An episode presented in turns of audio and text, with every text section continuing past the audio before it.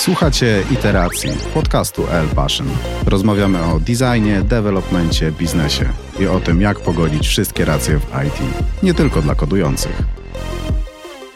Cześć, witamy w podcaście El Passion Iteracja. Dzisiaj jest ze mną Patrycja Paterska, content managerka.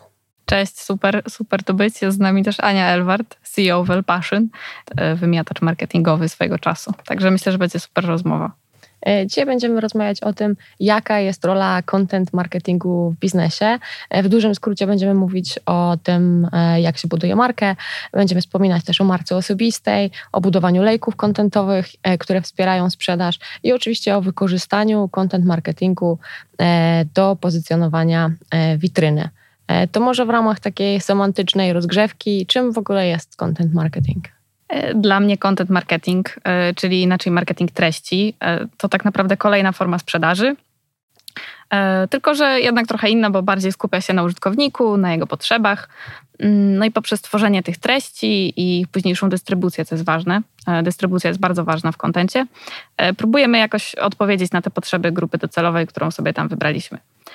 Według mnie content w ogóle zakłada bardziej zbudowanie dłuższej relacji z użytkownikiem niż krótszej, bo to nie jest tak, że po przeczytaniu jednego artykułu ktoś sobie pomyśli, tak, super, w ogóle jedziemy, kupujemy tam, nie wiem, już tym bardziej, jeżeli chodzi o usługi, to jest dużo trudniejsze. E, także tutaj trzeba budować mm, zainteresowanie poprzez e, dużą ilość materiałów. To też pomaga e, wzmocnić niejako pozycję eksperta na rynku w tej niszy, którą sobie tam obraliśmy. Mhm. Ja myślę, że też to, co jest ważne w content marketingu, że jest to nie tylko szukanie przestrzeni do wzrostu, ale też e, możliwość szukania e, oszczędności. Na przykład tworzenie dobrych FAQ czy instrukcji dla niektórych biznesów może być sporą oszczędnością, na przykład w pracy e, supportu. E, no i też e, porządkując ten temat, e, czym content w ogóle jest, warto pamiętać, że są to nie tylko treści pisane, ale też podcasty, materiały wideo, ikonografiki i innego typu materiały. Tak, ja się zgadzam. Z kontentów wynikają w ogóle dwa główne elementy. Z mojego doświadczenia i z tego, co wiem przez lata, jak pracuję jako content mm, specialist i tak dalej, tak naprawdę wszystko to się y, opiera o doprecyzowanie tych celów, no i grupy docelowej, do której mówimy, szczególnie jeżeli zależy nam na wzrostach, które są możliwe z content marketingiem, jeżeli robimy to dobrze. E, to, co jest też istotne bardzo, to to, e, że content tak naprawdę ma szansę zaistnieć i e, jakby wyrobić te pożądane efekty tylko jeżeli jest wpisany i dopełnia jakby strategię ogólną firmy. Mhm. E, wydaje mi się, że robienie tego ad hoc, e, bo wszyscy to robią, to nie jest recepta na sukces e, i nie ma co jakby tego oczekiwać, że to będzie tak super wow, jak to wszyscy mówią albo mówili kiedyś i może już tak nie mówią. No właśnie, to w kwestii strategii, zwłaszcza tutaj skupiając się na firmach B2B, no też na przykładach, które my znamy, czyli Software House czy agencje mediowe, jak zacząć prowadzić działania content marketingowe, jak dobrze uszyć to w strategii firmy? To jeszcze raz się muszę odnieść do swojej własnej teorii, e, ideologii, która może nie jest szeroko rozpowszechniona, ale może to jest dobry moment, żeby to zrobić. E, wydaje mi się, że mm, w kontencie dużo zaczyna się od tego, po co, e, po co coś robimy i dlaczego. Jest taka teoria Simona Sinka, myślę, że jest bardzo popularna w biznesie, dużo ludzi ją zna, można go lubić, tego pana, można go nie lubić, ale ta teoria wydaje mi się też bardzo spoko w kontekście content marketingu. Mm, I chodzi tutaj właśnie o to, że zaczynamy od why, czyli dlaczego coś robimy, potem dopiero zastanawiamy się, jak tak naprawdę to będziemy robić, i na końcu dopiero już konkretnie, co będziemy robić. Mm, I tak, to wydaje mi się super istotne w kontencie, również e, gdzie trzeba ustalić, do kogo mówimy i mówić do tych ludzi stale. E, niezależnie już od wybranych kanałów, czy to, będzie, czy to będą sociale, czy to będzie blog, czy to będą jakieś inne materiały. E, tak naprawdę to już jest wtórne. Mm, ale trzeba tą grupę docelową doprecyzować. I rozproszenie tego y, zbyt duże nie jest dobre, bo jeżeli koniec końców chcesz być widziany jako ekspert w jakimś temacie, no to ten temat trzeba jakoś nieustannie e, zgłębiać. Nie jest tak, że mamy trzy artykuły i mamy to, szczególnie, że teraz content jest wszędzie, jest go bardzo dużo. Mm, I żeby się wybić, tak naprawdę no, e, tych treści musimy naprawdę dużo, dużo nastukać. Z drugiej strony też patrząc, im więcej piszesz, tym tak naprawdę jest więcej do napisania. Taka jest, taka jest prawda, że im ten temat zgłębiasz, tym po prostu te, tych rzeczy wszystkich jest więcej. Mm, to, co jest ważne, wydaje mi się, że na poziomie organizacji warto zacząć od stworzenia person i warto też zrobić to porządnie i dogłębnie E, jeżeli jest taka szansa i możliwość, to warto to też e, zderzyć z ludźmi, którzy są takimi reprezentantami naszej persony w rzeczywistości, mm, żeby sprawdzić, czy te potrzeby, te bolączki, które sobie gdzieś tam ustaliliśmy, są serio problemami tych osób, e, które sobie tam założyliśmy. Mm, wydaje mi się, że dobrze zrobione i takie skrupulatnie zrobione persony są podstawą do pisania jakiegokolwiek kontentu. E, i też e, trochę ułatwiają e, życie ludziom w organizacji, nie tylko ludziom z marketingu. Ale tutaj podam taki swój przykład, bo faktycznie jest tak, że często przychodzi ktoś i mówi: Hej, zróbmy to, to jest super fajne by było. No i oczywiście fajnie. Pierwszy jest jakby taki, pierwsze wrażenie, że tak, super, róbmy to. Mhm. Ale potem jest jakby ten reality check, że te persony pozwalają jakby sprawdzić, czy faktycznie to nam przyniesie ten, pożądany efekt, czy to tak naprawdę jest dla tej persony, którą sobie braliśmy na tyle istotne, żeby w ogóle to robić. I jeżeli nie jest, no to nie ma co tego robić. Albo można to spaść jako priorytet gdzieś niżej. Mhm, pewnie. E, no dobra, to jeszcze odnosząc się do content marketingu jako elementu strategii firmy, warto na pewno brać pod uwagę, że to jest inwestycja długoterminowa. E, no i w zależności od tego, co w tej strategii będzie dla nas priorytetem, ona będzie wymagać naprawdę sporych inwestycji. Z jednej strony mogą to być inwestycje oczywiście finansowe, zwłaszcza na e, dystrybucję tych treści, ale również tworzenia. No i ten czas, czas jest zawsze potrzebny.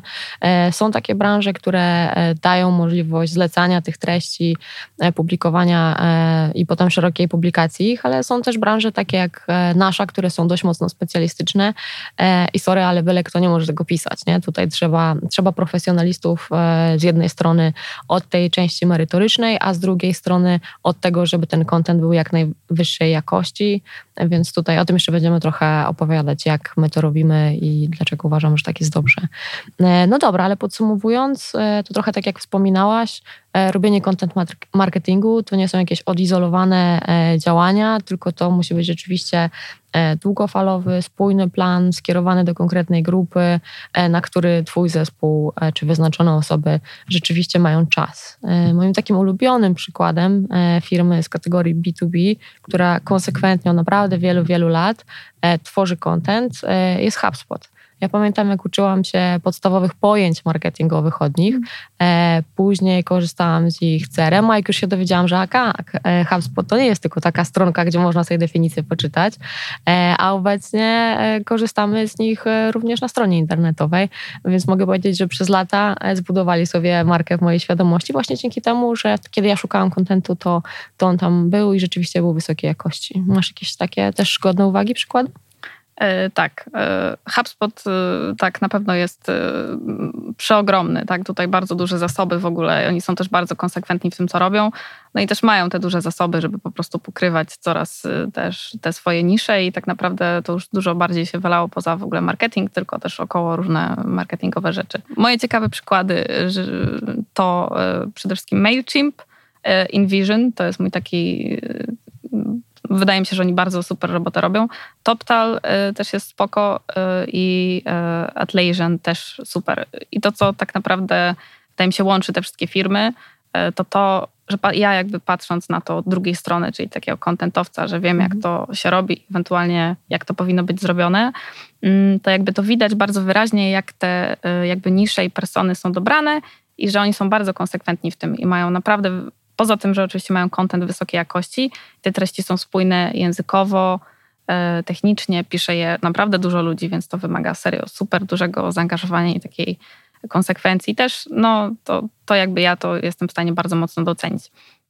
Mm, I tak, e, tak jak już powiedziałyśmy wcześniej, e, content jest, ma głównie sens, że jest częścią szerszej strategii. Mm, I trzeba go tak naprawdę w tej strategii uwzględnić, szczególnie jeżeli chodzi o dystrybucję. E, I e, zadałabym sobie też pytanie, e, jak dodatkowo tak naprawdę można wesprzeć treści, które produkujemy, a nie tylko je po prostu produkować. I kto może je tak naprawdę dalej posłać w świat, czym możemy się wesprzeć? Czy to będzie social media marketing, czy to będzie coś innego, mm, bo tak, niestety trochę żyjemy w świecie inflacji kontentowej, jak ja to sobie nazywam.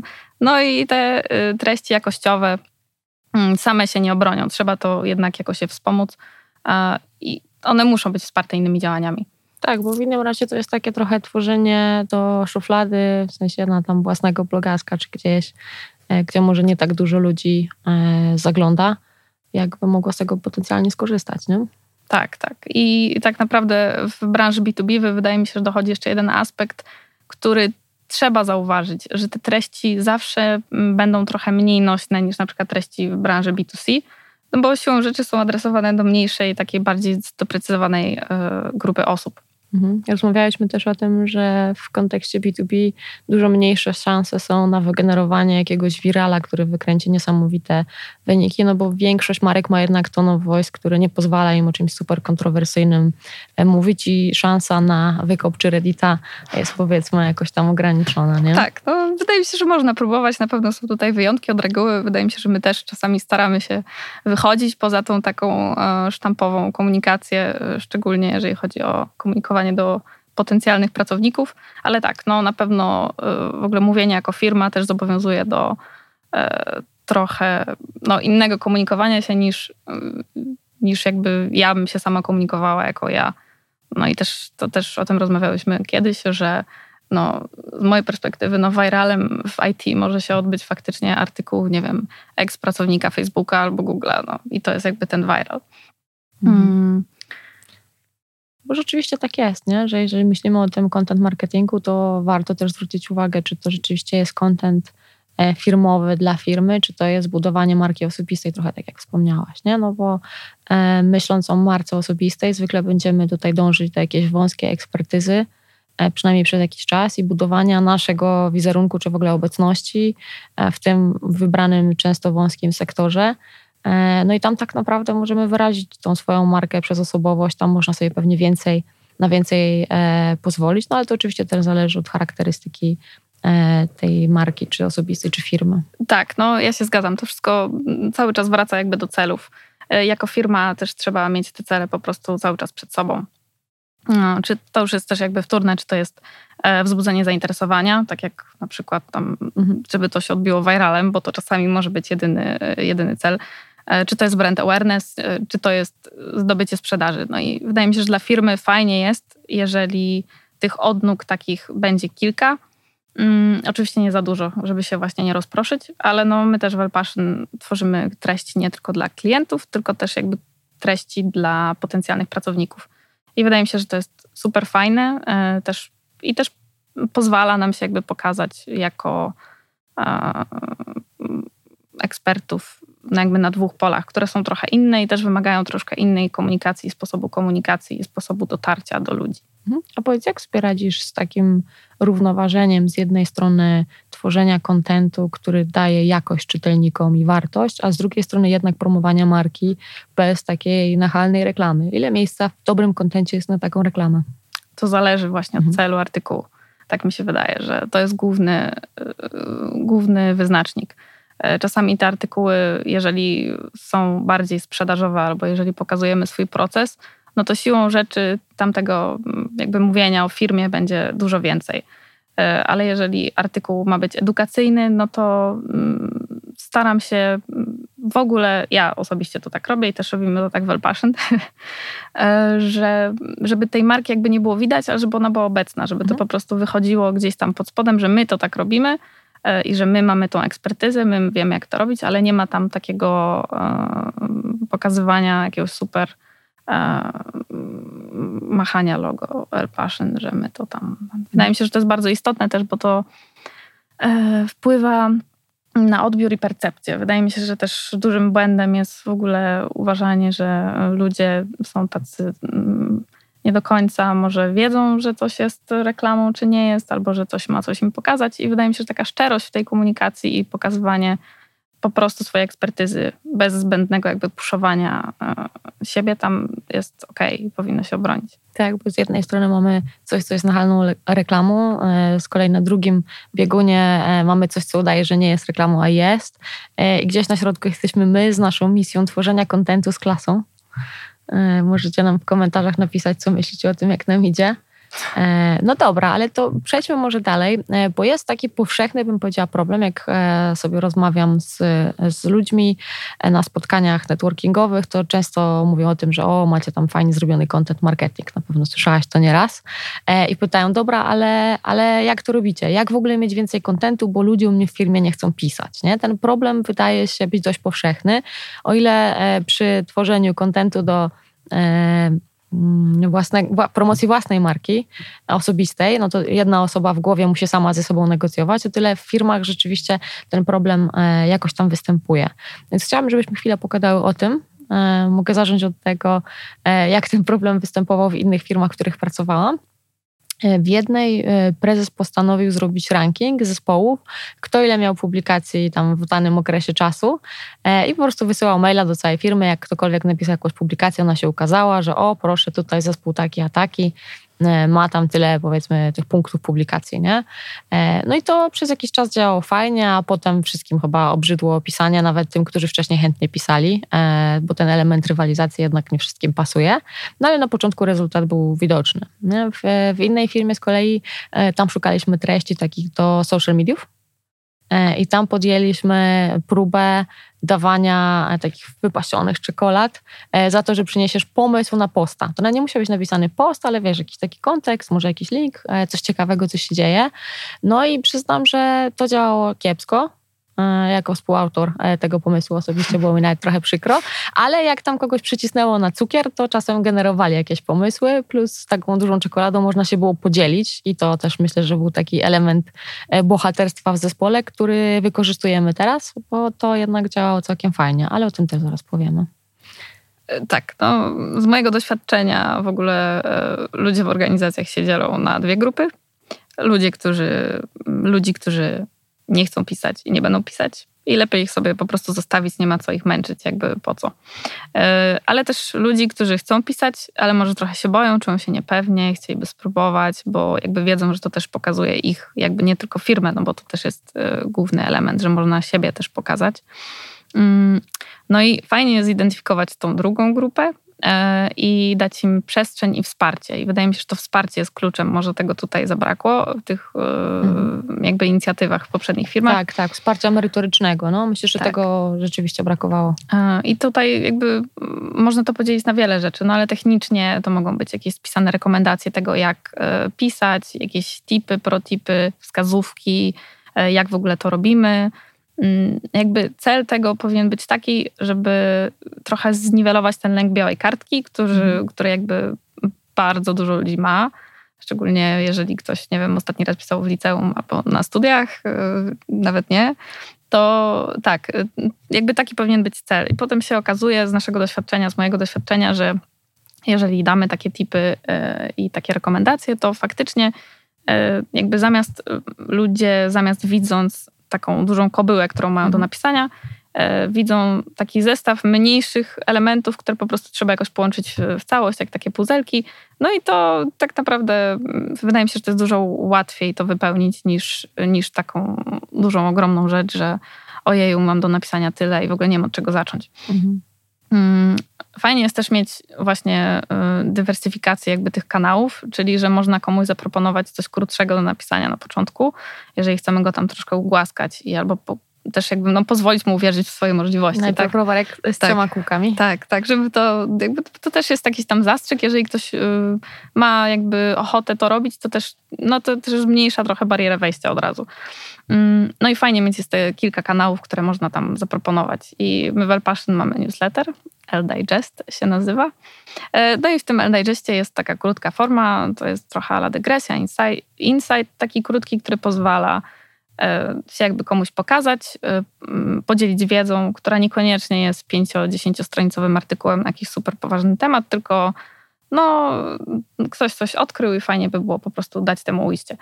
Mm, no i to jest też taka inicjatywa, można się pokazać, ale nie ma tego lęku białej kartki, bariera wejścia jest dużo mniejsza i wydaje mi się, że to fajnie działa, tak z mojego doświadczenia. Hmm. Przecież jak e, rozmawiałyśmy o tym, żeby nie robić nachalnej reklamy, e, to co? A szkoda powiedzieć, że LDH jest taki fajny, co? No cóż, no, wydaje mi się, że feedback dostajemy pozytywny, tak. No dobra, dobra. To ja przejdę do tego, co obiecałam, e, bo wspomniałam o tym, że powiem o tym, jak e, sobie radzimy z motywowaniem ludzi do pisania e, teraz w firmie. Po pierwsze to, o czym mówiła Patrycja, jak ktoś nie chce, to nie musi, kropka, nie ma problemu. Natomiast jeśli ktoś chce, no to wspieramy, że tak powiem, stymulację jego chęci. I w tym roku, w zasadzie od początku roku, wprowadziliśmy nowy benefit. On się jakoś nazywa? Nie wiem, zawsze możemy wymyślić nazwę live, tu i teraz. E, to, to El myśl... Contentos. El Contentos, niech będzie El Contentos. E, El Contentos e, polega na tym, że stanowi on, dofina- jeśli ktoś w zespole w danym okresie czasu napisał jakąś publikację dla nas jako firmy, to budżet jego zespołu na integrację zwiększa się o 50%. U nas jest tak, że jest, e, jakby są dwa takie budżety, które zespoły mają do dyspozycji. Self-grow budget, którym każdy dysponuje indywidualnie i integracyjny budżet, E, który zespół sobie wspólnie decyduje, na co wydaje. No i rzeczywiście, jak mają takiego bohatera w zespole, e, który coś ciekawego napisze, wejdzie to do, do publikacji, e, to może dla całego zespołu ten budżet znacząco zwiększyć, więc jest fame, chwała. No i to, co jest najważniejsze, to też wsparcie zespołu i Patrycji, przy tworzeniu, czyli tego, czego zabrakło w tym moim poprzednim e, modelu, czyli to wsparcie e, merytoryczne. I nie tylko na poziomie generowania pomysłów, no ale też oczywiście później już też opowiadanie o tym, jak będziemy to promować. To wiadomo, punkty do fejmu też dla części osób mają znaczenie. No i też rezerwowanie czasu pracy. Nie? To nie jest tak, że ludzie muszą się martwić na to, żeby wśród swoich codziennych obowiązków jakoś tam wygospodarować ten czas e, na to, żeby jeszcze pisać, tylko rzeczywiście, e, zwłaszcza te osoby, które pracują w takim rozliczeniu, powiedzmy, za czas pracy z klientami, no to my po prostu rezerwujemy ich czas na pisanie mm, tych treści, co myślę daje im dość komfortowy E, start tak naprawdę i mhm. możliwość zajęcia się tym. No i oczywiście e, bezcenne, e, bezcenne jakościowe wsparcie w postaci korekty czy, czy też tłumaczeń, jeśli jest taka potrzeba, bo większość kontentu, który tworzymy jest jednak po angielsku. Tak, mi się wydaje, że to też jest ważne, że właśnie, że ktoś nie zostaje z tym sam. Czyli to nie jest tak, o, napiszę posta i tak bierzemy, klepiemy to i nie ma jakby żadnego feedbacku, tylko jednak na końcu zawsze jest jakby jeszcze ta jedna osoba, przez którą to przechodzi czyli przeze mnie i ja tam wtedy e, mówię, że tak, że to jest fajne, to jest niefajne, to można poprawić i to też jakoś tam wydaje mi się, że działa, bo wtedy ten ktoś się nie czuje osamotniony w stylu ej, weź coś napisz. Mhm. I plus, my to publikujemy, nie? Tak, plus zwłaszcza w przypadku tekstów e, technicznych jest double check, jest ktoś tak. e, bardziej seniorski w firmie zazwyczaj, e, kto rzuca okiem na ten tekst, dzięki czemu masz pewność, że nie masz tam żadnych głupot i, i to nie wyjdzie. Zawsze jest taka szansa, że ktoś coś wyłapie. Myślę, że to też e, jest, no, mhm. podnosi komfort pracy nad tym kontentem. No dobra, ale załóżmy, że już przekonaliśmy wszystkich, że pisanie jest fantastyczne, ludzie się do nas pchają po prostu, wiesz, ze stronami e, tekstu. Jak ocenić, czy kontent jest dobry przed jego publikacją? E, nie wiem, czy tak super da się ocenić, czy kontent jest e, dobry przed publikacją, ale na pewno można założyć, e, jakby, że spełni te cele. Można się też oczywiście pomylić w założeniach, co się czasami dzieje, no ale nie o tym. O ile treści takie, które tam piszemy, mogą się komuś podobać subiektywnie albo nie podobać w stylu są ładne, nieładne, no to obiektywnie, tak w perspektywie organizacji, to co jest istotne i co sprawia, czy kontent jest dobry, czy niedobry, to jest właśnie to, czy on spełnia określone przez nas założenia. Mhm. No i tutaj właśnie ważny jest ten tone of voice, e, te persony, o których już mówiłyśmy. I to powinna być jakby główna baza jakby oceniania tego, czy ten content jest dla nas dobry w tym kontekście. Mm, to jest jakby ten główny punkt wyjścia. E, bo można napisać bardzo dobry artykuł, ale właśnie wracając jeszcze raz, co on nam tak naprawdę da. I to mhm. jest główna, główna perspektywa. No i też tak jak e, rozmawiałyśmy wcześniej, nie żyjemy w próżni, Zawsze możemy poprosić o feedback kogoś z zewnątrz, kogoś z wewnątrz, kogoś innego. Czasami ten feedback i tak dostajemy po prostu. W jakimś tam sensie zawsze urośniemy, następny tekst zawsze będzie lepszy. E, tak. No dobra, to pytałam Cię przed chwilą o tym, jak ocenić, czy content jest na tyle dobry, żeby go rzeczywiście wykorzystać. E, a teraz ulubione pytanie wszelkich e, zarządów i wielu menedżerów. Jak ocenić, czy content jest opłacalny, nie? Bo mówiłyśmy o tym, że to jest inwestycja, że czas, że pieniądze, no ale pani, co z tego będzie? Jak na to pytanie odpowiadać? E, tak, wydaje mi się, że dobry content powinien być opłacalny. Jeśli coś nie styka, to znaczy, że trzeba gdzieś się cofnąć i coś zreewaluować. Czyli koniec końców zawsze wracamy do tych celów i trzeba je po prostu zmierzyć drugi raz. No, jak mówi nasz head of growth Bartek, wszystko da się zmierzyć. I te cele długoterminowe i krótkoterminowe są bardzo ważne y, w kontencie też. I to jakby nie chodzi o cele w stylu y, będziemy mieli za trzy miesiące napisanych 10 tekstów na temat X, y, tylko właśnie co to nam to daje. Czy te teksty mają być brand awarenessowe, czy one mają być sprzedażowe, jakie konkretne mm, jakby efekty, jakich konkretnych efektów się po nich spodziewamy. Czy to ma być, nie wiem, zwiększona ilość użytkowników na stronie, czy to właśnie ma być zwiększony brand awareness, jak to będziemy mierzyć, to też jest właśnie bardzo istotne. Czy będziemy mierzyć engagement na socialach z tym postem, czy będziemy mierzyć po prostu wejścia, jakby to wszystko jest, e, no, to wszystko jest mierzalne i trzeba to po prostu zrobić.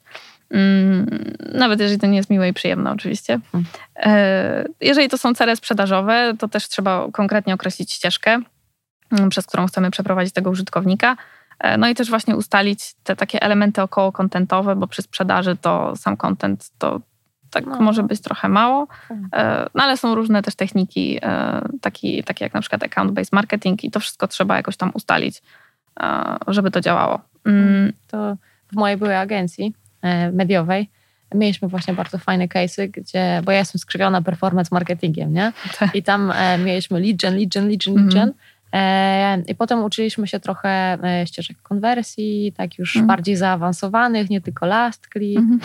I potem myślimy sobie, że o, tutaj najlepiej konwertują i jednak inne rzeczy niż nam się wydawało, tak?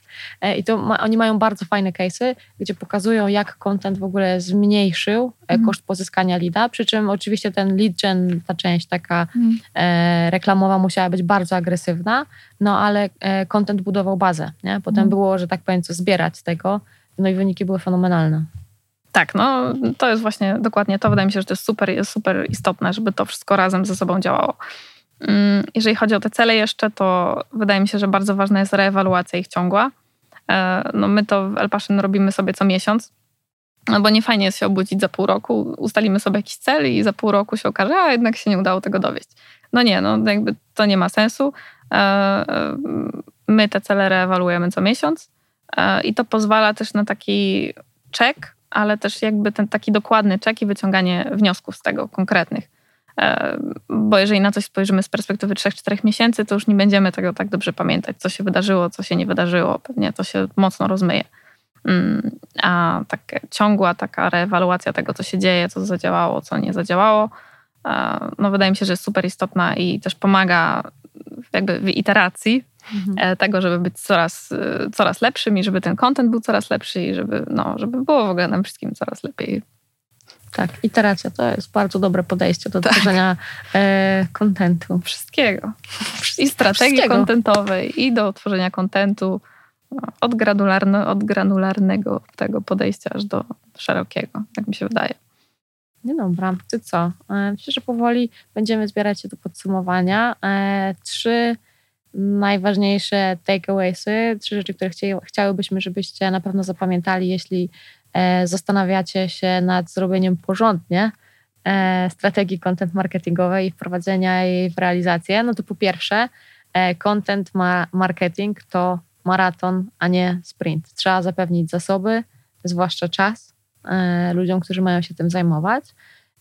No i drugie, to opadło wielokrotnie, absolutnie potrzebne są cele i miary sukcesu. Nie piszcie po to, żeby pisać, piszcie w jakich celach, które sobie obraliście. One mogą być różne, ale muszą być mierzone. No i trzeci? Tak. E, no, wyspecjalizowana ekspertyza, czyli trzeba sobie wyfiltrować te rzeczy, które tak naprawdę będą dla nas najbardziej przydatne i je jakby pogłębiać, żeby się nie skupić na zbyt wielu rzeczach, żeby nie, jakby nie próbować złapać 14 różnych odnóg e, kontentowych za ogon, tylko jednak zgłębić ich, e, zmniejszyć jakby ich ilość i e, skupić się na kilku, chociaż na początku albo jednej, dwóch, trzech. Wydaje mi się, że trzy to są maksymalnie.